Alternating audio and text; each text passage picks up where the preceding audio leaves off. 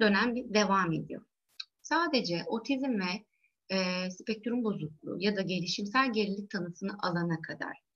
E, eğer bir anne çocuğunda herhangi bir sıkıntı hissediyorsa yüzde 99 kesinlikle haklıdır. Yani ona kim ne diyorsa anneanne, dede, babaanne, baba, e, hayır bunda böyle bir şey yok diyen konu komşu ne diyorsa desin anne baba olarak onun e, dış sesleri kulağımızı kapatmamız gerekiyor. E, böyle olunca ne yapıyoruz? İlk başta sevinç yerini kadere, kedere bırakıyor. Anne baba olarak ilk tanıyı aldığımızda önce bir şoka uğruyoruz. E, bu şok süreci e, biraz işte hast doktordan çıkıyoruz. Birkaç gün geçiyor ve araştırmaya başlıyoruz. Yani doktorun söyledikleri bile o sırada bize öyle hava, havada uçuşan şeyler oluyor bizim için. Şok yerini inkara bırakıyor. Diyoruz ki inkar sürecinde de ya hayır böyle bir şey yok. Ya da birbirimizi suçluyoruz. Kendimizi suçluyoruz inkar sürecinde. Ee, diyoruz ki işte benim yüzümden mi oldu? Ben çok televizyon açtım. Ben işte ilgilenmedim. O yüzden mi oldu? Bazen bireysel olarak kadın erkek anne baba olarak kendimizi suçlarken bazen birbirimizi suçluyoruz. Bazen anne baba olarak aslında bir oluyoruz. Çocuğumuz için aynı slayttaki gösterideki resim gibi bir oluyoruz ama bu sefer dış seslere maruz kalıyoruz. Bunlar da anneanne babaannenin e, tutumu aslında. Bazen bizi yargılıyorlar, suçluyorlar ve e, bu süreç, inkar süreci bizim için çok daha zor gidiyor. Eğer, şimdi inkarla kabullenme arasında bir zaman akıyor aslında. İnkardan kabullenmeye geçmemiz ne kadar hızlıysa eyleme geçme planlarımız da o kadar hızlı oluyor. Ama inkarla kabullenme arasında bir e, zaman çok uzunsa, e, kabullenmekte biz çok zorlanıyorsak bu süreci, eyleme geçmekte de çok zorlanıyoruz. Peki biz eyleme geçemediğimizde neler oluyor? Ee, bir kere çocuğumuzdan çalıyoruz. Yani e, süreci uzatıyoruz. Süreci sekteye uğratıyoruz. Ee, öteliyoruz. Diyoruz ki işte ya hayır üç ay bekleyeyim, okula göndereyim, hayır geçecek diyorsak ve bir türlü hala inkardaysak, kabullenemiyorsak e, eyleme geçemiyoruz ve ne oluyor? Çocuk alması gereken eğitimi, seansları alamıyor. Neden alamıyor? Çünkü hala anne baba bu fikre hazır değil. Böyle olunca da çocuğun en altın çağ dönemi kaçıyor. O yüzden ne kadar bu kabullenme ile inkar süresindeki süre kısa olursa eyleme geçme bizim için o kadar hızlı oluyor ve çocuğumuz için çok daha faydalı oluyor. Peki biz kabullendik ve bizim için artık ebeveyn olarak ve çocuğumuz için bir yolculuk başladı. E, bu yolculukta bizi neler bekliyor?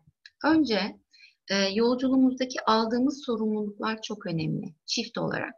Yani e, anne baba olarak nasıl sorumluluk alıyoruz? Bütün yük sadece annede mi? Bütün yük sadece babada mı? Yoksa birlikte miyiz? E, burada alınan e, şey çok önemli dediğim gibi sorumluluklar çok önemli.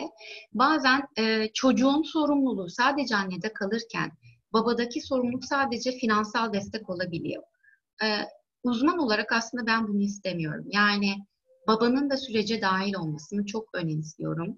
Ee, en azından işte ne bileyim o çocuk 3 seans alıyorsa bir seansa babanın gelmesinin önemli olduğunu düşünüyorum. Neden bunu önemsiyorum? Çünkü annenin anlatmasıyla, anneden duymasıyla baba e, uzmandan duyması aynı olmuyor ve bu sorumluluğu paylaşmıyorlar. Eğer anne baba seanslara birlikte geliyorsa yani beraber bu sürece devam ediyorlarsa ne oluyor?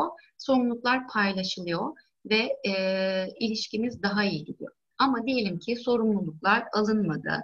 İstediğimiz gibi gitmiyor. Ebeveynler aynı dili konuşamıyor çocukları için. İşte anne diyor ki eğitim almalı. Baba diyor ki hayır onda bir şey yok. Anne diyor ki doktora gidelim. Hep anne baba diyorum ama ne olur. Yani bu e, yılların deneyimiyle alakalı bir şey. Genellikle anneler götürmeye çalışır, babalar sekteye uğratabiliyor. Ama e, sözün meclisten dışarı sadece deneyimlerim bunlar. E, o yüzden bazen tam tersi de olabiliyor tabii. Ama eğer anne baba olarak aynı dili konuşamıyorsak çatışmalı bir ilişki doğuyor. Peki bu çatışmalı ilişkide biz ne yapıyoruz? Çatışmalı ilişkilerde e, çatışmaya girdiğimizde yine çocuğumuzun süreci sekteye uğruyor. Nasıl bir sekte bu? Şöyle anlatacağım. Ee, şimdi mesela birinin mikrofonu açık ama kimin acaba? Çatışmalı ilişkilerde de şöyle bir şey oluyor. Ee, şimdi diyelim ki bana seansa geliyor aile. Ee, anne getiriyor ama baba onaylamıyor ya da tam tersi de olabilir. Baba getiriyor, anne onaylamıyor. Mesela daha yakın zamanda yaşadım böyle bir şey. Ee, ben çocuğun ben dili gelişimi için eylem fotoğraflarını istedim. Ama çiftler aynı dili konuşamıyor. Bir taraf bana güveniyor, diğer taraf güven, güvenmiyor ve süreci de zaten kabul etmediği için diyor ki hayır. Yani ben bu fotoğrafları vermiyorum. Figen Hanım bu fotoğrafları neden istiyor? Nerede kullanacak? Ya başkasının eline geçerse diyor. Ve ne oluyor? Yine çocuğumuzun süreci sekteye uğruyor. Aslında bizim çift olarak, anne baba olarak tutumlarımız her zaman çocuğa yansıyor. Çocuğun sürecine, çocuğun seanslarına, gelişimine ve geleceğine yansıyor. Ee, çatışmalı ilişkilerde de böyle bir sıkıntı oluyor. O yüzden de ilişkilerimizi yani ortak paydada tutmamız gerekiyor. Anne baba olarak her zaman ortak karar almamız gerekiyor. Ve şu an ve gelecek kaygısı. Şimdi şu ve gelecek kaygısı her ebeveynde var. Yani bu bende de var. Bugün de bir kaygım vardı. Mesela oğlumu uyutmaya çalıştım. Anlık bir kaygıydı. Uyutmadı. Çünkü benim kaygım ona geçti. Zar zor uyuttum. Aynı şey. Şimdi ebeveynlerde şu an ve gelecek kaygısını çok önemsiyorum. Ee, özellikle şu an çok önemli. Şimdi öncelikle çocuğum konuşabilecek mi? Çocuğum tanıdan çıkabilecek mi? Ben doğru uzmanlarla mı yol alıyorum? Doğru kişilerle mi çalışıyorum? Veya ben bütün finansal kaynaklarımı doğru yere mi aktarıyorum? Ya da şu anda e, bu süreçte hani ilerleme var ama ne kadar sürecek? Benim bütçem buna yetecek gibi şu an kaygılarını e, çok önemsiyorum ve bunları e, çözmemiz gerekiyor. Bunları her seansta yani aile ilk başta geldiğinde de ne kadar kaygılıysa benim Burada bir ailem de var çalıştım. Yani anlatmaya çalışırım her zaman. Ee, ve şu anı çözmemiz gerekiyor. Ama bilemeyiz. Yani bu süreç ne kadar sürecek, e, bitecek mi, tanıdan çıkacak mı ya da e, kaynaştırma mühendisi olarak mı devam edecek? E, bunu bilemiyoruz. Ama çok önemli çünkü süreçte e, bu kaygılar da bizi bir yere taşıyor. Ama gelecek kaygısı. Diyelim aile bana geldi. İlk seansımızı yapıyorum. Ee, işte anemnez alıyorum, biraz çocuğa bakıyorum, aileyle ilişkiyi sürdürüyorum, sorularımı soruyorum. Orada aile bana diyor ki mesela, şu andan o kadar uzakta ki askere gidebilecek mi? Evlenebilecek mi? Ya ben olmazsam ne yapacak? Tabii ki bu kaygıları yaşamalıyız ama oraya çok var. Yani e, oraya gelene kadar biz hangi süreçlerden geçeceğimizi düşünmeliyiz. Ben ne yaparsam e, hangi süreci doğru yönetirsem çocuğuma daha iyi gelirimi düşünmeliyiz. Bu yüzden de e, gelecek kaygısını daha az seviyede tutmayı tutmaya çalışıyorum ailelerimde ve şu ana döndürmek en önemli şey oluyor. Bunu nasıl yapıyorum derseniz de her seansta konuşarak yapıyorum. İşte şuradaydık, şunu yaptık, buraya geldik. E, gelişiminden bahsederek, çocuğun gelişiminden veya e, gelişim evrelerinden bahsederek ilerliyorum. E, tabii ki bu kaygılarda sadece şu an ve gelecek kaygımız yok. Bir de sosyal çevre kaygımız var. Yani bu da çok önemli. E, sosyal çevreden aileler o kadar artık çekiniyor ki, sosyal çevremiz o kadar ötekileştiriyor ki, yani tukaka gibi bakıyorlar. Çok kızıyorum yani ne yazık ki.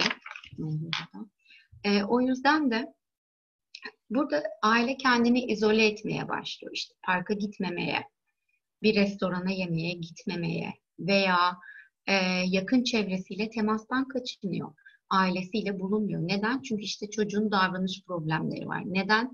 İşte çünkü işte sürekli ağlıyor diyelim ya da e, istediğini elde edemediğinde büyük ajite oluyor. Evet, olabilir. Bu bizim gerçeğimiz ve bu yüzden de sosyal çevreden kaçınmamalıyız e, bu sosyal acıyı duyarak biz sosyal çevreden kaçındıkça daha izole bir yaşam seçiyoruz. Ve bu izole yaşam bizi yalnızlaştırıyor. Daha duygu durumumuzu aşağıya çekiyor. Baş edemeyeceğimiz duygular gelişmeye başlıyor. O yüzden de e, var olmalıyız. Çocuk parkta ağlayabilir. Çocuk parkta arkadaşını itebilir. Çocuk e, istediği olmadığı için ağlayabilir. Bunu çünkü normal gelişen çocuklar da yapıyor. Sadece diğeri etiketlemeye giriyor. Lütfen sosyal çevre kaygısından dolayı e, evlere kapanmayın e, ve daha izole olmayın istiyorum ve bu acıyı yaşamanızı istemiyorum açıkçası. Bu da benim diğer önemli konum. Ha burada bir şey de ekstra eklemek istiyorum. Bir çocuğumuz e, bir ortamda diyelim ki çok ajite olacağını biliyorsunuz e, ve siz orada ona yine de hayır diyorsunuz ve bundan da ebeveyn olarak siz kötü hissedeceksiniz. O dış çevreden bakışlar sizi rahatsız edecek, çocuğumuzu değil. Bunu bile bile de istiyorsak e, daha uygun tavırlarda sergilemeliyiz. Yani orada belki onun ajite olacağını bildiğimiz için e, o sırada daha manipülatif yaklaşmalıyız. Belki hayır demek yerine daha dikkati dağıtıcı yaklaşmalıyız diye düşünüyorum. Çünkü özünde e, yine etkilenen ebeveyn oluyor bu süreçte. Peki bir sürü stres yaşıyoruz dedik. İşte aile stresi, e, sosyal ortam stresi, e, gelecek kaygı stresi. Peki biz bu streslerle nasıl baş edeceğiz? Bir kere bu stresle baş edebilmemiz için fonksiyonel baş etme yöntemleri geliştirmeliyiz. Ve daha çok sorun odaklı ilerlemeliyiz. Yani evet şimdi spektrum tanısını aldık. Evet tanımız var. Ama biz bu tanıyla yani sadece tanıyla baş etmiyoruz. Günlük yaşam, e, maddi koşullar, trafik, işte planlama, organizasyon, evdeki diğer çocuk, okul, bir sürü şey var. Ve biz bunlarla ilgili nerede, hangi basamaklarda sorun yaşıyorsak oralarda birazcık e, sorun odaklı gitmeliyiz ve problem çözmeye çalışmalıyız. Ve bununla ilgili de baş etme yöntemleri geliştirmeliyiz. E, ben burada aile eğitimlerinin çok önemsiyorum e, aile eğitim çalışmalarını da şöyle ayırıyorum. Bir, bilgilendirici çalışmalar, diğeri de aile eğitim programları. Şimdi bilgilendirici çalışmalarda şöyle oluyor. Diyelim ki aile kendine en uygun işte maddi, manevi, lokasyon olarak e, kendine en iyi gelen uzmana gitti ve onunla bir sürece başladı. Burada başladıklarında e, başlayan, yani çalışmaya başladıkları uzman kesinlikle bilgilendirici olmalı. Yani aile eğitimi çalışmalarında neden yapıyoruz, neyi ne için yapıyoruz, bazen kamera çalışmaları, izletilmeli. Mesela bizim e, çalışmalarımızda kesinlikle aynalama yöntemi, aynalı bir odamız var, izletiyoruz seansları. Neden izletiyoruz? Çünkü evde de uygulayabilsinler. Benim seanslarımın e, işte geri kalanı işte günün bir saati benleyse çocuk geri kalanı ebeveyniyle. O zaman beni destekleyecek olan kişi kim? Anne baba. O yüzden de bunları çok iyi bilmeleri gerekiyor. Bir iletişim defteri olabilir. E, bu yüzden de bu aile eğitim çalışmalarına ilk geldiklerinde anlatıyorum. Yani işte otizmin işte neresinde olabildiklerini konuşuyoruz biraz. Psikiyatrimizin ne dediğini konuşuyoruz. Sonrasında da şunu yapıyoruz. Ben nasıl çalışıyorum? nerelerde eksikler görüyorum, değerlendirme yaptıktan sonra tabii bunlar ve neyi hedefliyorum. Ve ailelere bunu yazılı vermenin e, önemli olduğunu düşünüyorum. Çünkü tik atarak ilerliyoruz oralardan. E, böyle olduğunda da gelişimi daha görebiliyoruz. E, aile destekleyebiliyor bizi. E, ve ailelere okumalar öneriyorum. Videolar öneriyorum. E, ve bunları izliyorlar. Bu da onların yine e, gelişmesine katkı sağlıyor. Sadece aslında aile mesela şey değil, bilgilendirici çalışmaların dışında da bir de aile eğitim programları oluşturmanı önemsiyorum. Yani aile eğitiminde sadece anne babanın e, seminere katıldığı değil de belki sürece anneanneyi dedeyi, babaanneyi dedeyi de katmak e, onları da sürece dahil etmek, videoları izletmek ya da biz bir kural koyduysak anne baba olarak ve uzman da buna böyle olmasını istiyorsa çok net e, büyüklerimize dur demeliyiz. Yani ve neden yaptığımızı açıklamalıyız.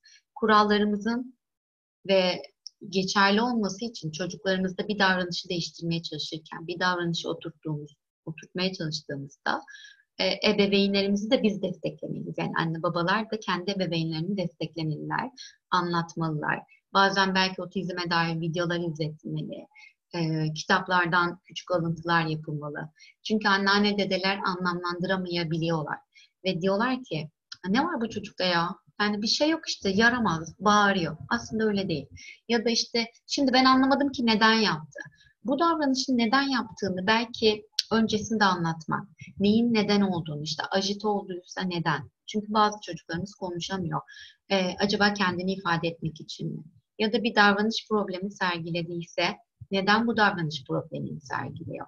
Ee, bunları önemsiyorum. O yüzden sürece yakın çevrenin de katılması önemli diye düşünüyorum. Tabii stresle baş etmeye çalışırken bir de sosyal destek kısmı var. Ee, sosyal destek kısmında da e, pardon terapotik çalışmalar var. Terapotik çalışmalarda da şu önemli. Şimdi önce anne baba olarak kötü hissediyorsak destek almalıyız. Biz iyi olmalıyız ki çocuğumuz da iyi olsun. Değil mi? Ee, o yüzden de psikolojik desteği almalıyız. Bu bir sürü yöntem var. Bir sürü psikodrama var, EMDR var, bireysel çalışmalar var, grup çalışmaları var. Size maddi manevi en uygunu hangisi geliyorsa bu terapötik çalışmalara katılmanızı öneriyorum. Ee, bazı aileler mesela şey bile bana şey gibi geliyor.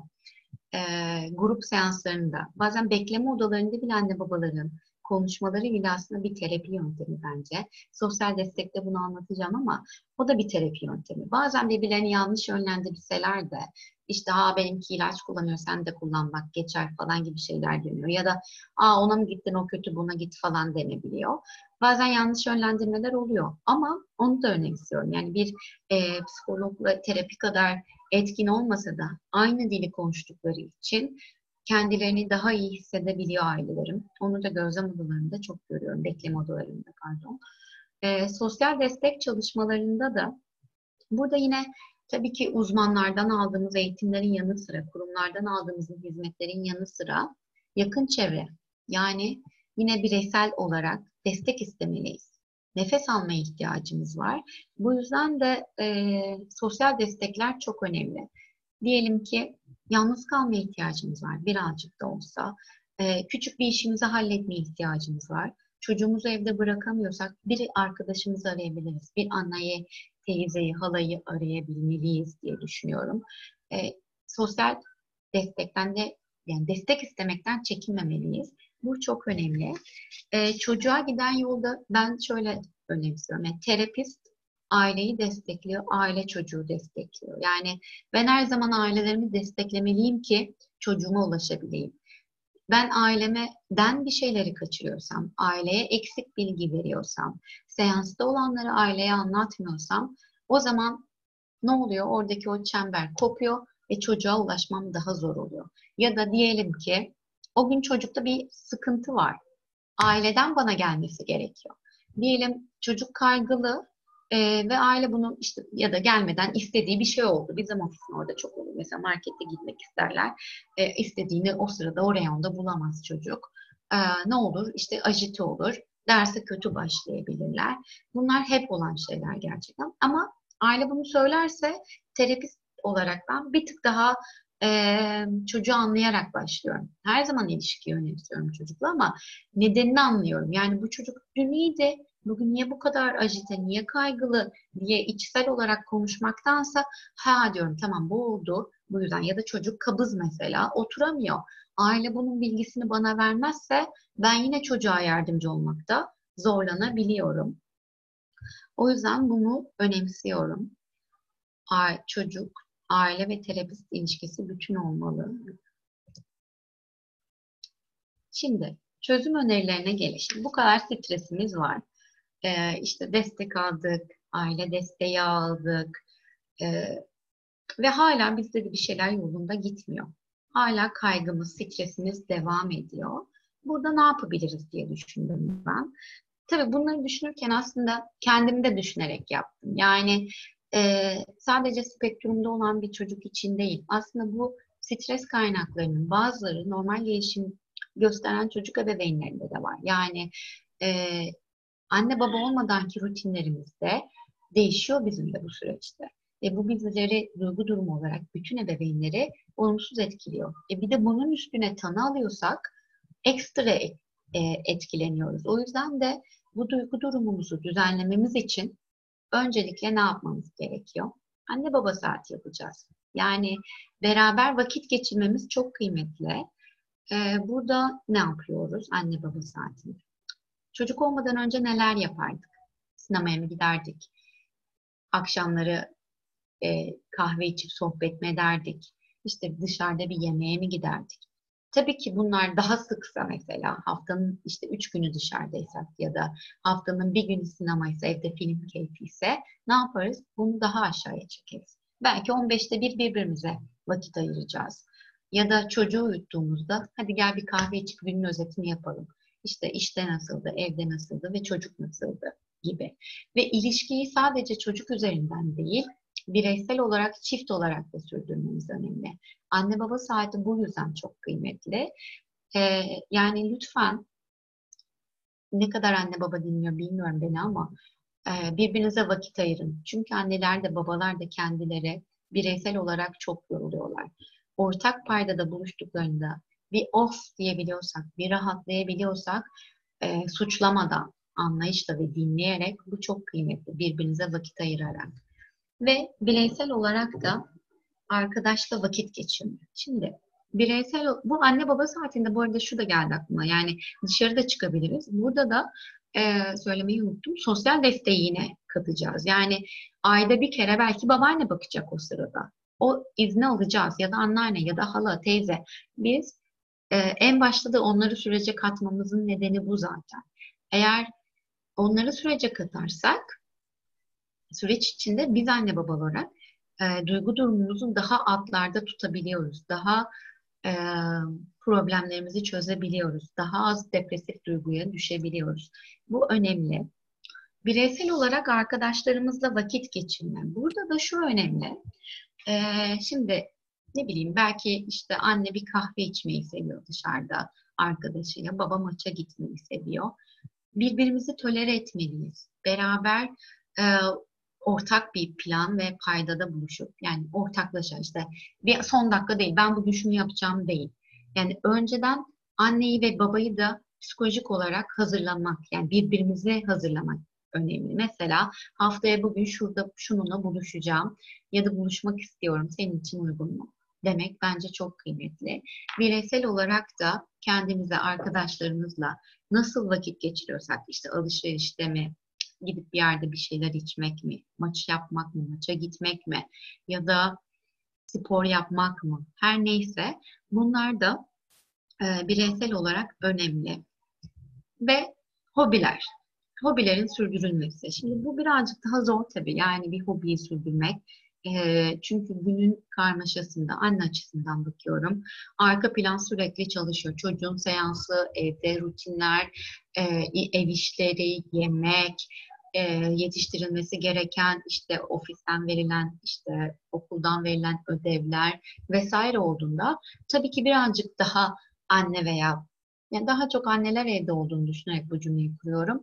Anneler daha geri planda kalıyor hobiler konusunda. Ama istemeliyiz bence. Anne olarak da baba olarak da nefes alabilmek için ve bu süreçte daha güçlü baş etme yöntemlerimizi geliştirmemiz için, depresyona girmememiz için e, bunu geliştirmeliyiz. Çünkü e, ve uygulamalıyız. Diyelim ki işte hangi hobiyi yapıyorsak işte spora mı gidiyoruz hobi olarak bir şey mi çalıyoruz, bir enstrüman mı çalıyoruz, resim mi yapıyoruz, işte e, punch mı yapıyoruz ya da işte onun adını bilmiyorum, knepçe falan mı yapıyoruz, ne yapıyorsak yapmalıyız anne olarak da.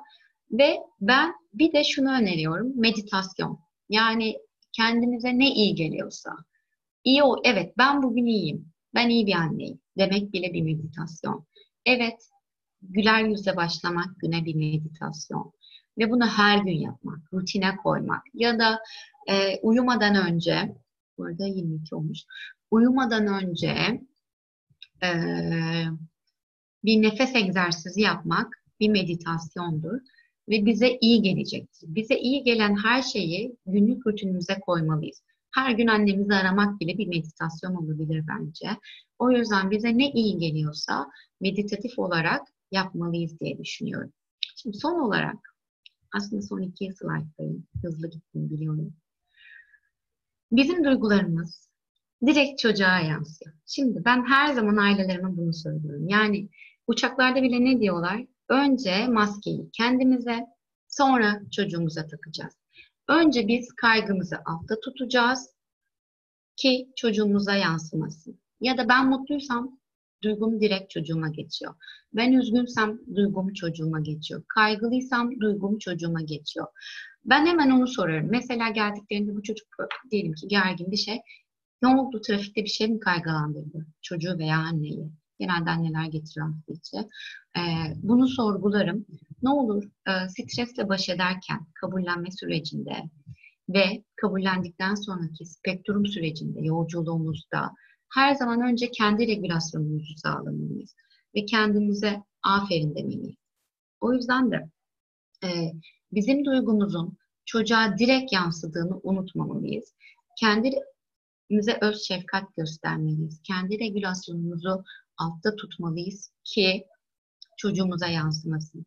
E, bu yüzden de ne olur önce anne baba olarak e, bireysel, sonra da birbirinize e, ilgi, saygı ve sevginizi sonsuz e, gösterin istiyorum. Şimdi birazdan bitecek ama bitmeden eğer katılmak isterseniz burada şeylerinizi açın ne olur cevap vermenizi istiyorum. Küçük de olsa bir nefes egzersizi yaptırmak istiyorum size. Küçük bir hediye. Yani bunlar aslında bilmediğiniz şeyler değil büyük bir ihtimal. E, ama ben e, önce anne babanın anlaşılması gerektiğini, e, iyi hissetmesi gerektiğini düşünüyorum. O yüzden de küçük de olsa bir nefes egzersizi yapalım istiyorum. Acaba buna e, bana eşlik etmek ister misiniz? Şimdi açıyorum bir dakika hemen.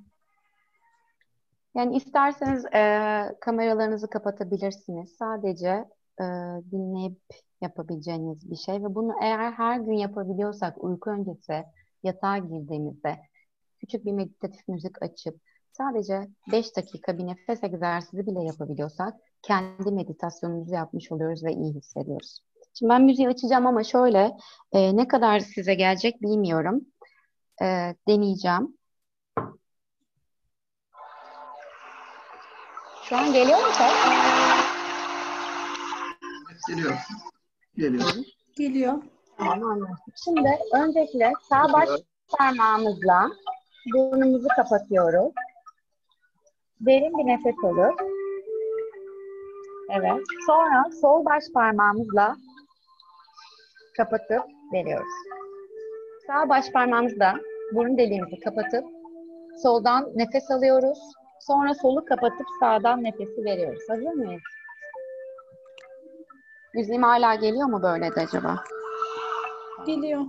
Tamam anlaştık. Başlıyorum. Beş kere yapacağım size. Nefes alın. Şimdi soldan verin. Kapatıp verin sağdan. Gözlerinizi kapatabiliriz. Ve sadece anda kalabiliriz.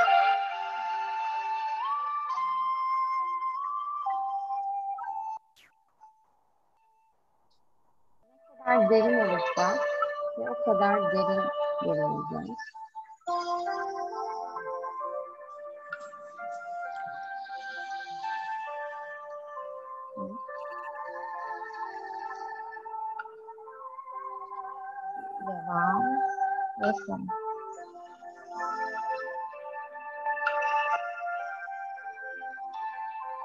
Şimdi bir de başka bir nefes yöntemi daha göstermek istiyorum sizlere. Ee, burundan dört kere sayarak nefes alıyoruz. Ağızdan sekize kadar içten sayarak veriyoruz. Olur mu? Kademeli olarak. İki nefes burada birbirinden farklı çalışmalarda kullanılıyor.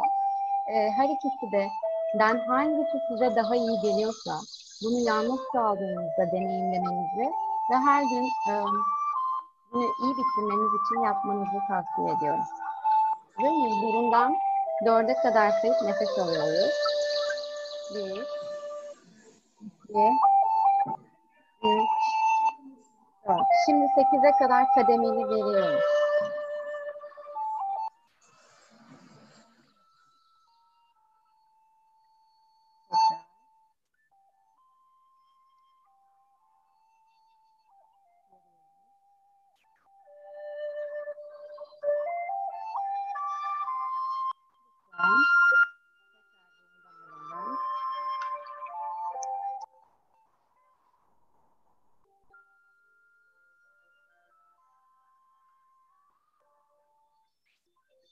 Bana eşlik ettiğiniz için çok teşekkür ediyorum. Ve son olarak sizle bir şey dinletmek istiyorum.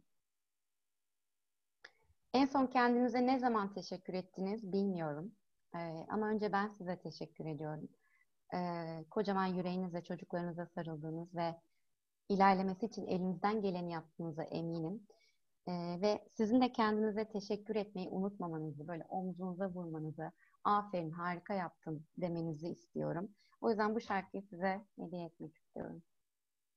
Belki duydunuz, bilmiyorum. Bir dakika.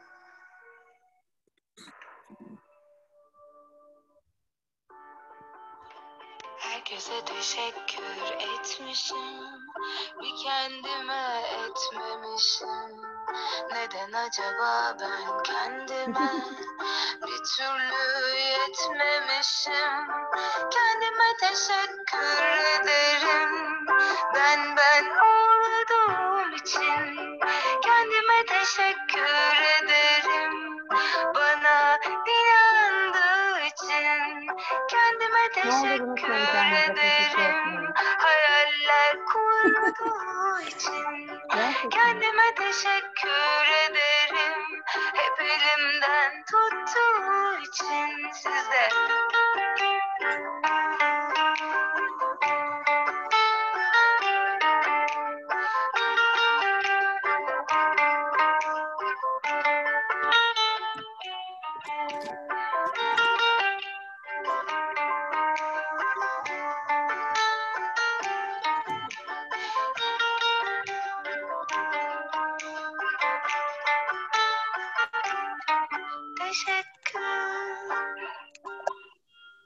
Hepinize çok teşekkür ediyorum bana eşlik ettiğiniz için. Biz Teşekkürler, olun. teşekkür ederiz hocam. Biz teşekkür ederiz. Umarım e, akıcı olmuştur ve iyi hissettirmenize ufacık olsa destek olabilmişimdir diye düşünüyorum. E, şimdi sorularınız varsa alabilirim. Elimden geldiği kadar e, sormak, cevaplamaya hazırım. Umarım atladığım bir şey yoktur. E, chat, chat bölümünden bir soru gelmiş. Önce onu e, ileteyim. E, film e, ve film belgesel önerileriniz var mı diye.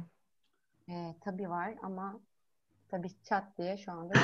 Kitap önerim var. e, Temple Grandin bir kere en bence önce izlenmesi gereken filmlerin başında geliyor. Temple Grandin. Ama direkt böyle başka yani çok film var otizme dair ama e, direkt hani I Am Sam var bir sürü var ama inanın hafızam o kadar iyi değil. E, yazılı da verebilirim sonrasında bununla ilgili. E, dergiye de yazabiliriz. Ama e, ilk aklıma gelen ve ben ilk e, kampa başladığımda otistik çocuklarla Aura Psikoloji'de kampa gitmiştim 5 gün. E, geldiğimde ilk izlediğim film Temple Grandin olmuştu 2008 senesinde. Ve böyle ağlayarak izlemiştim. Çok etkilenmiştim çünkü. E, hem daha öğrenciydim, alanda çömezdim. Çok etkilenmiştim. Çünkü otistik Amin abi. E, otistik birinin e, profesör olmasını anlatıyor. O yüzden ilk söyleyeceğim şey Temple Grandin olabilir. Başka soru var mı? Hocam iyi akşamlar. Merhaba. Akşamlar, merhaba. Emel için teşekkür ederim. Ee, kızım var 5 yaşında. Ee, konuşma geriliymiş. Bazen şey çıkartamamakta. Ee, bununla birlikte kulakta bir sorunumuz vardı. Ee, kulaklarına tüp takıldı. Tamam. Sıvı birikimi mi vardı? Evet, yüksek derecede basınç meydana Hı gelmiş. hı. Hı hı. da fark ettim. Ee, sizin aşamalarınız gibi sırasıyla geçtim bu süreçleri. Zor karar verdim. Ee, ameliyatımız başarılı geçti. Bir yıl oldu. Şimdi de kreş aşamasındayız. Ee, Hı hı. Da bir terapiyle devam etmek istiyorum. Daha yeni başladı. Hı hı. Konuşma hiç mi yok? var. Bazı harfleri çıkaramıyor. Hangi harfler? Ee, M, K, S. Hı Artikülasyon. Yani Evet. bununla ilgili direkt bir dil terapistiyle çalışabilirsiniz. Ee, ve Evet. bunların dil terapistleri uzmanlarının e, bir şeyleri var, dernekleri var ve orada e, hangi ildesiniz bilmiyorum. E, Antalya. oraya Antalya. Oraya girerek Antalya'da da var çalışan uzmanlar bildiğim kadarıyla. Evet, Direkt dil terapisine başlayarak anladığım kadarıyla sadece artikülasyon problemi var. evet. Aha. çalışarak bunu çözebilirsiniz çok rahatlıkla. Eğer sadece probleminiz buysa. Evet, sadece bu gerekli yerlere de gittim. Ee, Belirli kontrollerden de geçti. Testiyle iki ay takip etsek belki daha mı iyi olur? Hani dil terapisinden başka. Gelmeden. Ee, ben bir soruyu bir daha duyamıyorum. Psikiyatriye gittiğimde ilk önce kreş testlerini bir takipte olalım dedi. Öğretmenimiz takip etsin çocuğumuzu dedi. 3-4 Hı hı. ay. Baktık yine gelişme sağlanmıyor. Sonra ilk terapisine geçeriz. Bence şöyle artikülasyon problemi için e, bunu beklemeye gerek yok. Çünkü zaten e, artikülasyon probleminde ben dil terapisti değilim ama e, ofisimde 5 tane dil terapisti arkadaş var çalıştığım ofiste ve izliyorum yani. E, bu motor olarak çalışılan bir şey.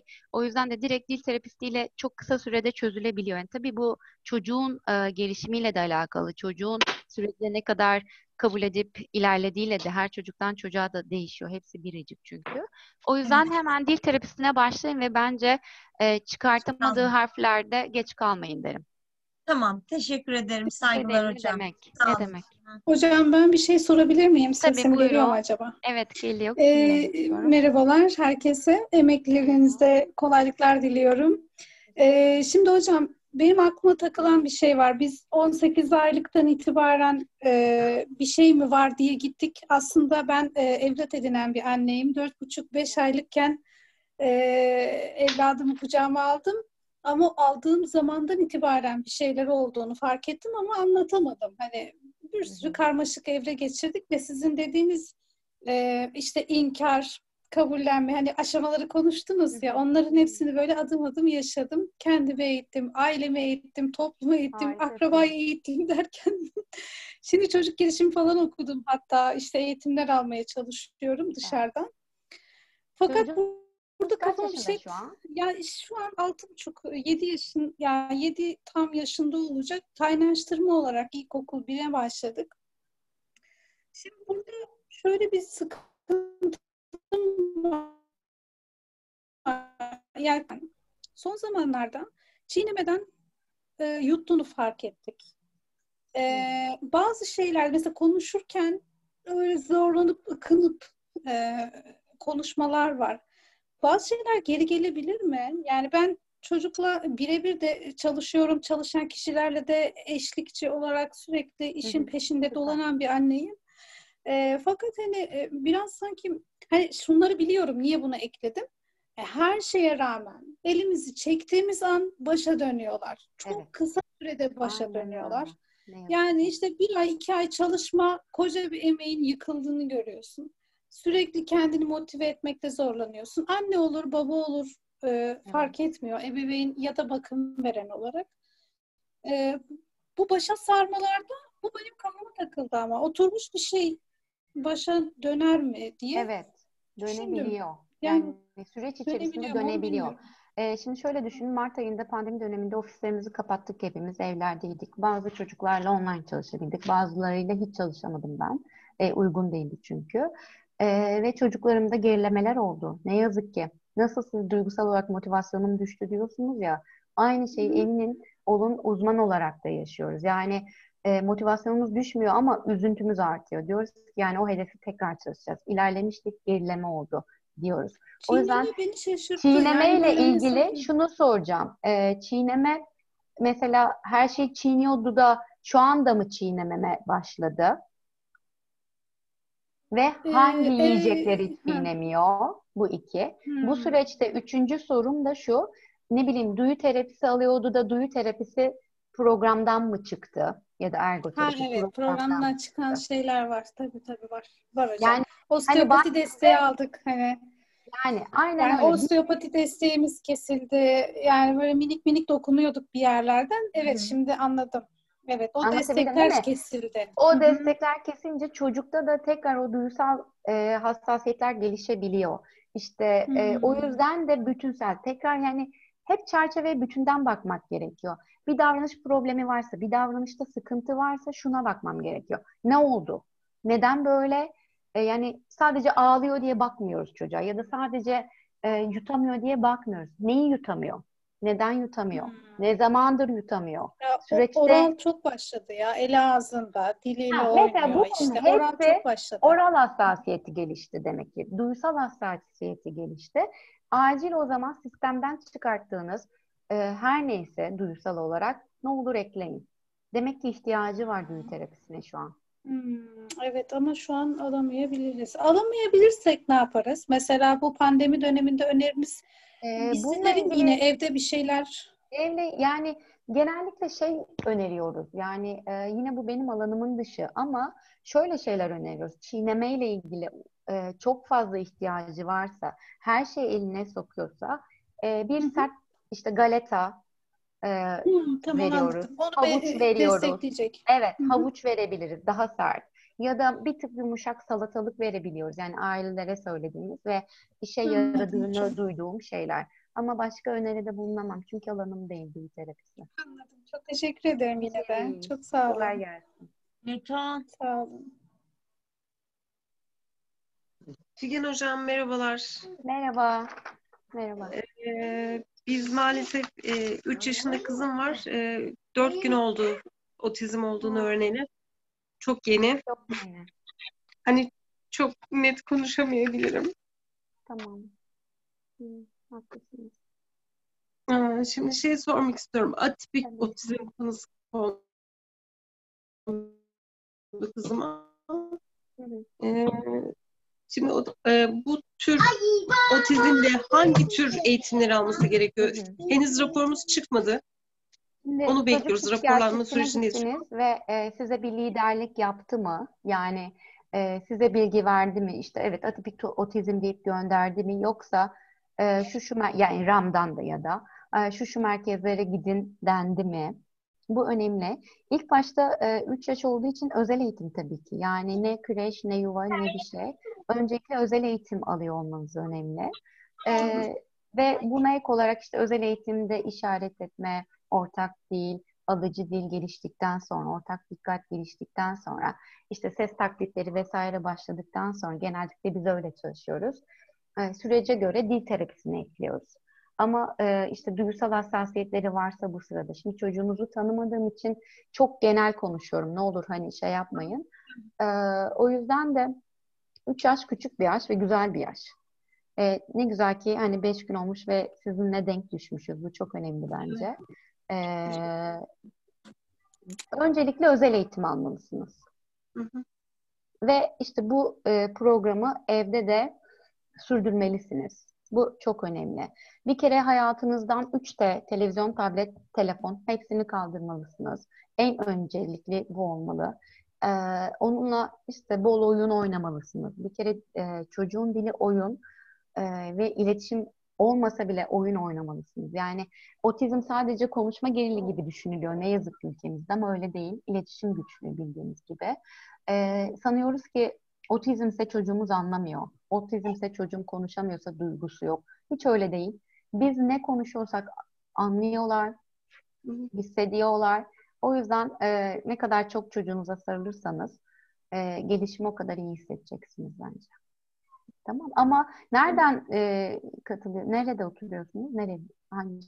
Ee, Şu an Konya'dayız. Tayinden dolayı Konya'dayız. Ee, fakat şeye götürdük biz e, biraz GATA, Ankara GATA'ya götürdük. Ana Bilim Dalı Başkanı ilgilendi sağ olsun. Tamam. Ee, Konya'da gidebil yani bilmediğim için tekrardan böyle merkezler var mı Konya'da? Yani çok önerilen sadece bir merkez var. Hani çok hı. iyi olduğu söylenilen. Hı hı. Orayı araştırıyoruz şu an. Oraya götüreceğiz. Anladım. Anladım. Yani e, yolunuz açık olsun. Umarım böyle çok güzel kişilerle yolunuz düşer, denk düşer, karşılaşırsınız ve süreciniz çok iyi ilerler umarım. Sizinle başladık bu süreci. Ah umarım. Güzel oldu. Çok Evet memnun. evet gerçekten çok umarım iyi gelmiştir, iyi hissettirebilmişimdir birazcık da olsa. Teşekkürler. Çok böyle bir rahatlama geldi yani inanın. Ya çok sevindim. Çok teşekkür ederim. Çok sağ olun. Eşim de yanımda. Merhaba. Her şey için çok teşekkür ederiz. Ne demek? Yolunuz açık olsun. Ee, ne zaman isterseniz e, iletişim bilgilerim var. E, yazabilirsiniz oradan bana. Her zaman ben yani bu iletişim özellikle Instagram hesabımı açma nedenim e, Türkiye'deki herkese ulaşabilmek. Otizm dergisiyle e, yazılar paylaşıyor olmamın nedeni de herkese ulaşabilmekti açıkçası. Ne mutlu ki bugün de Konya'ya da ulaştık. O yüzden Evet. umarım iyi gelir. Yolunuz açık olsun. Emekleriniz için çok teşekkürler her şey için. teşekkürler. Sağ olun. Çalışmalar dileriz. Teşekkür ederim. Sağ olun.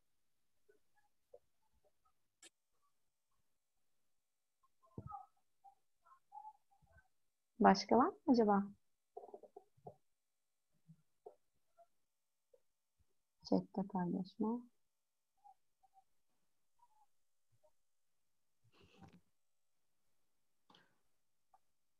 Başka sorusu olan Hocam son bir soru sorabilir Tabii. miyim? Tabii. Yani dil terapisine başlamak için biraz maddiyat hani rapor almadım kızım için. Almayı da şu an içinde düşünmüyorum. Hani ekonomik gücüm de yetmeyecek. Hem kreş hem dil terapisti saatlik olarak. Ee, bir online bir yerlerden mi devam etsem? Kendim yapabileceğim bir iş değil değil mi bu yani çocuğu? Aa, şöyle Eğitim. şimdi e, biz hani online'da da seans sürdürüyoruz ama e, hani artikülasyon olarak nasıl yapılır onu inanın hani bilmiyorum. Çünkü dil terapisti arkadaşlarımın işi. Hı, E, isterseniz hani ofisi arayarak bilgi alabilirsiniz. tamam. Kaynakları var. Hani belki takip etmişsinizdir bilmiyorum. Hani şimdi Evet. şey gibi olmasın da e, yani Mutlaka- kitaplar kitaplar var, e, application'lar var. O yüzden oralara bakabilirsiniz. Ama siz direkt hani konuşma gecikmesi değil de artikülasyon dediğiniz için ben direkt Hı. hani dil terapistini Evet, önerdim. hı, Ama e, arayıp hani bilgi alabilirsiniz merkezimizden de. Belki de online'da da yapılıyordur. Bilmiyorum. Hani tamam. daha yani bilmiyorum açıkçası diye hı. araştırabilirsiniz. Tamam. Ee, belki onların kendi derneklerinde bile bu bilgi vardır. Dil Tamam. Terapistlerinin derneğinden oradan bir bakabilirsiniz. Tamam hocam. Herkese geçmiş olsun. Acil şifalar. Tamam. İyi akşamlar diliyorum herkese. Merhaba. Merhabalar, iyi akşamlar. Herkese iyi akşamlar. akşamlar diliyorum. Tekrar İyi akşamlar. e, herkesin zannedersem sorusu bitti. Vakit çalmak istemedim ama ufak bir anekdot paylaşmak istiyorum. E, az önce Bahadır Bey ve eşi Konya'dan bağlanan 3 yaşında çocukları olduklarını söylediler. Kendilerini en iyi biz anlayabiliriz eşimle. Malumunuz 2014 Ağustos ayında kızımızın 2,5 yaşında tanısını fark ettik. Kızımız şu anda 8 yaşına geldi. Yaklaşık 5,5 yıldan beri karşımıza çok iyi insanlar çıktı. Yani tabir belki çok caiz değilse kanatsız melekler diyebiliriz. E, Figen Hanım'ın bahsettiği çok doğru. İnşallah iyi insanlarla karşılaşırsınız. E, bu çok önemli. İyi eğitimcilerle karşılaşmak bu işin bence püf noktası. E, kızım bugün çok iyi durumda. Normal bir devlet okulunda ikinci sınıfta. E, bir yandan rehabilitasyona, diğer yandan devlet okulundaki eğitimine devam ediyor. E, kızım duyu bütünlemeden dil terapistine, işte özel eğitimden, bütün süreçlerden yaklaşık 10-11 tane öğretmenden geçti. Ama e, söylemek istediğim şu, 2014 Ağustos ayında tanısını fark ettiğimizde 1 Eylül'de karşımıza Figen Hanım çıktı. Yani Ay. çok şanslı Rehberimiz. rehberimiz, e, yol göstericimiz. Yani ve kendisiyle 5,5-6 yıldan beri kesintisiz olarak görüşüyoruz. Her zaman fikrini alıyoruz. Görüşlerini dinliyoruz. E, bu konuda eğitimci çok önemli. Anne babanın da bu konudaki özverisi çok önemli. Biz kabullendik. Kızımızla da gurur duyuyoruz. Mutlaka toplum içerisinde demin Hanım'ın bahsettiği gibi böyle şekilde bakan insanlar oluyor ama biz artık onları görmüyoruz. Tersi. Çok mutluyuz bu arada. Figen Hanım'a her şey için çok teşekkür ediyoruz Ya, ben tekrar. teşekkür ederim. İyi ki katıldınız. Sizi gördüm çok mutlu oldum gerçekten. Ee, Gerçekten. ben yeni aileye ben de ben- bir şey söyleyebilir miyim acaba? Tabii. Yeni tanı alan ailemize küçük bir şey söyleyebilir miyim ben de? Buyurun. Şimdi e, aynı hisleri yaşadım siz 2014'te tanı diye aldınız ya. Şimdi bize özel eğitimcilerimizin özellikle basa bas söylediği şey şuydu. E, 6 yaşına kadar, 7 yaşına kadar ne yaptıysanız çok hmm, şifalı olacak. Yani ne yaptıysanız o 7'den sonra çocuk senden ayrılacak, özel bir ortama gidecek, bu kadar çok müdahale edemeyeceksin, gölge olamayacaksın, ayna olamayacaksın. Ne olur e, hani ben bir yandan şeyi tabii ki de böyle bir şey sevinilmez ama ne kadar çok erken tanı e, alınırsa, erkenden bir şeyler yapılırsa hep bunu diyorlardı. Şimdi biz anne baba olarak önce o inkar döneminde ya yok canım çünkü alışılagelmiş bir şey değil otizm e, çevremizde. E, bir de şöyle bir durum var. Otizmli olan çocuğun birçok aile ya da birçok çevre çok zekalı olduğu için böyle oluyor. Çok bilmem ne olduğu için böyle oluyor. Ya da işte yaramaz bu gibi dejenerasyon bir sürü şeyler yaşanıyor ama bunlara lütfen duymamaya çalışın. Ben burada şeyi çok e, seviyorum o cümleyi. Özel gereksinimli çocuk. Özel bir çocuk. Yani özel bir ama çocuk o. Yani hani ve burada özellikle lütfen işin peşini bırakmayın. Online olur, böyle birebir olur. Lütfen bırakmayın. Çünkü biz şu an ben kızımla bir buçuk yaşından itibaren bu yolculuğa başladım.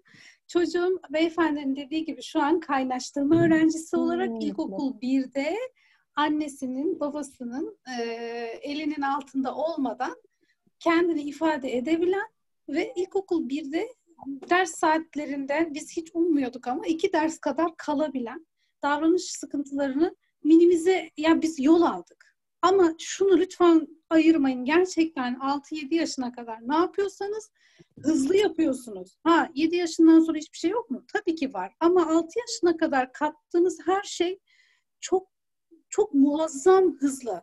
Yani çok ım, alıyor çocuk. Alıyor. Ama 7 yaştan sonra biraz daha yavaşlıyor. Çünkü daha bir bireyselleşiyor, daha bir büyüyor, daha bir öğreten sizden bağımsız hale geliyor. Siz göremiyorsunuz, gözetli. Ben bunu hani bir anne olarak söylüyorum. Tabii ki hocamız kadar yetkin değiliz bu konularda ama anne olarak e, bunu resmen bizim kafamıza çaktı özel eğitimciler. Çünkü çok fazla kavga ettik etrafımızla. Annemle, babamla, eşimle hiçbir şekilde kondurmadılar. Yok canım o kadar özel eğitim parası verilir mi? Yok ben çocuğuma rapor çıkarmayacağım. Yok şu bu. Rapor çıkarma konusunda da çok çok fazla endişeliydi eşim ve ben de endişeliydim. Etiketleyecek miyiz? Evet. Ee, bu raporu kimsenin bilmesine gerek yok.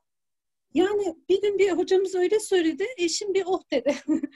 ya bu çocuğun raporu var. Bu çocuk gidiyor o rehabilitasyonda ya da bir yerlerden. Devletin, ben vergi veriyorum devletime. Devletin de bana bu yöne, şey mi, hizmet mi sunuyor? Güzelce ben o hizmeti gider alıyorum. Ha nedir? Özel eğitimi mi veriyorsunuz? Rehabilitasyona mı veriyorsunuz? Başında durduğunuz sürece bu çocuğun çok verimli şeyler alabilirsiniz. Biz hem rehabilitasyon desteği aldık hem e, psikolog desteği aldık hem de para biriktirdik. Çocuğuma 40 liraya penye almadım. 10 liraya pazardan penye aldım ama özel eğitim parasını biriktirdim. Çok Yani haklısın, onun çok gibi bir şeyler, kumbara falan gibi bilmiyorum. Ben yaşayan bir anne olarak şu an heyecanımdan söyledim. Çok iyi Ee, yaptınız. Harika yani bir Çok paylaşım. heyecanlandım. Ve rapor konusu, özellikle rapor konusunda biz çok kafaya taktık. Yani çocuğu etiketleyeceğiz, çocuğu rehabilitasyona götürürüm falan. Rehabilitasyonda da şöyle bir şey yaptık. Ee, hocam biz şöyle bir e, başında durmayı o yüzden tırnak içinde söyledim. Biz şöyle yaptık. Rehabilitasyona götürdük ama yaşıtlarıyla birlikte olmasını arz ettik grup terapisinde. Benzer hani benzer atipikti bizim tanımımız da atipikti. Atipik otizmlerle. Hani biraz böyle derdinizi anlatınca yardımcı oluyorlar zaten. Ay minnoş. Evet. Kim Neyse, geldi? çok- Kim gelmiş? Gel dur bakalım. Hoş geldin.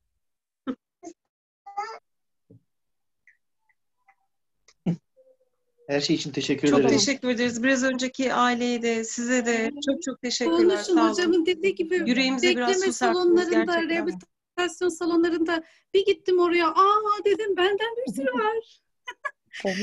Bu anneler de uykusuz, hepsi kafayı yemiş. Babalar da kaygılı. Allah'ım ne kadar çokuz. Hani aa falan bir süre sonra ve oradaki anne babalarla inanın daha iyi hissediyorsunuz. Çünkü onlar sizin ağlayan çocuğunuzda kes sesini demiyorlar.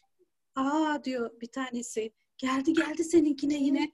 Hadi biz bir su verelim. Hadi gel bir oynayalım. Hadi bir şey yapalım deyip size yardımcı oluyorlar. Bu anlamda şey. Bu da benim fıstığım. Ha, merhaba. Çok güzel. Asya. Asya öğretmen. Merhaba canım. Ee, bu arada Arif Bey birkaç soru vardı. Ee, sizin bana attığınız mıydı? Onlara dönmemi ister misiniz? Yani konuyla Acaba- ilgili olanlara cevaplamadıklarınıza e, cevaplayabilirsiniz tabii. Hı hı. Tamam, bir iki dakika hemen mailinizi açacağım. Bir sıkıntı yaşamazsam umarım. Yavaş kapat kapıyı.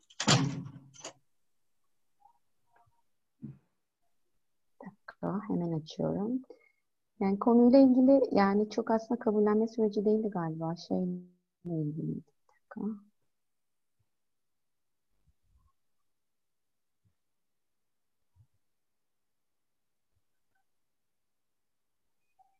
Bir dakika, Aslında kabullenme sürecinde ya belki de en büyük zorluk burada aileler ilk tanı sonrası bir belirsizlik yaşıyorlar. Ne yapacaklarını bilmiyorlar. Oraya buraya birçok Evet. insana ya eş dosta soruyorlar. Ee, onlardan farklı farklı geri bildirimler geliyor. o başka bir yere yönlendiriyor. Kimisi raporu beğenmiyor. Raporu alınca etiketlenir diyor. Yani aslında o belirsizliği aşma belki en büyük sıkıntı, en büyük zorluk. Yani onu Evet. aştıktan sonrası zaten yavaş yavaş adım adım ilerliyor. İşte bu yine kabullenme evresinde aslında. Şoktan, ya inkardan aslında kabullenmeye geçişte, o bilinmezlikte e, ne yapacağını bilmezken o arayışa girdiğinde aileler e, kabullenmeden eyleme geçerkenki kısımda o arada dediğiniz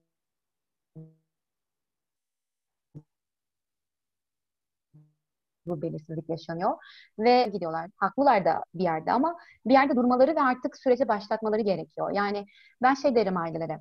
Her çocuk her terapistle çalışamaz. Bir maya işidir bu. Her terapist de her aileyle çalışamaz. O yüzden e, size en iyi gelen ve çocuğunuza iyi geldiğini hissettiğiniz bir aileyle çalışın lütfen derim.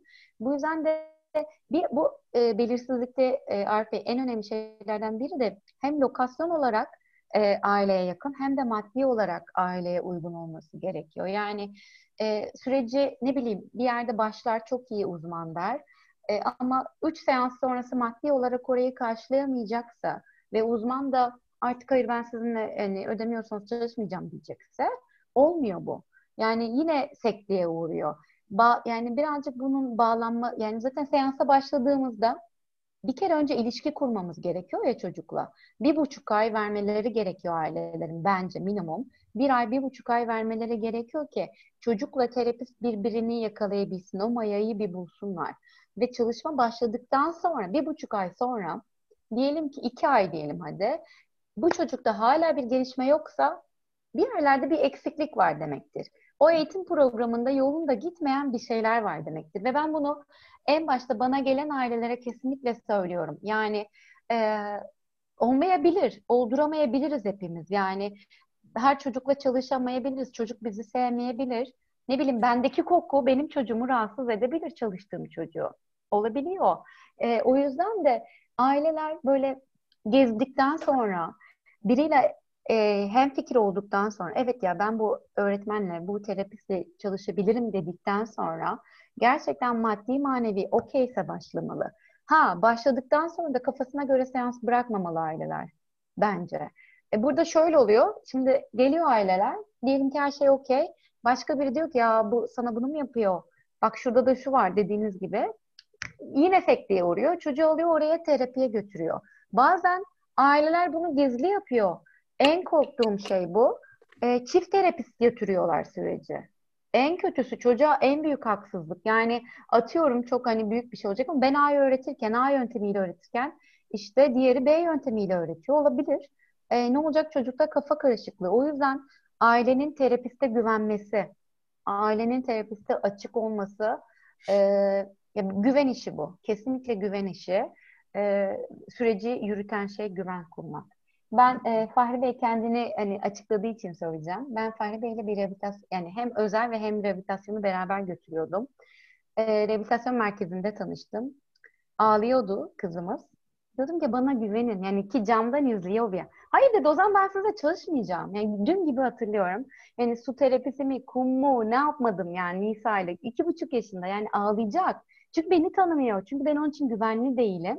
Ben de istemiyorum çalışmayacağım. Dedim ki nasıl isterseniz isterseniz başka uzmana da gidebilirsiniz.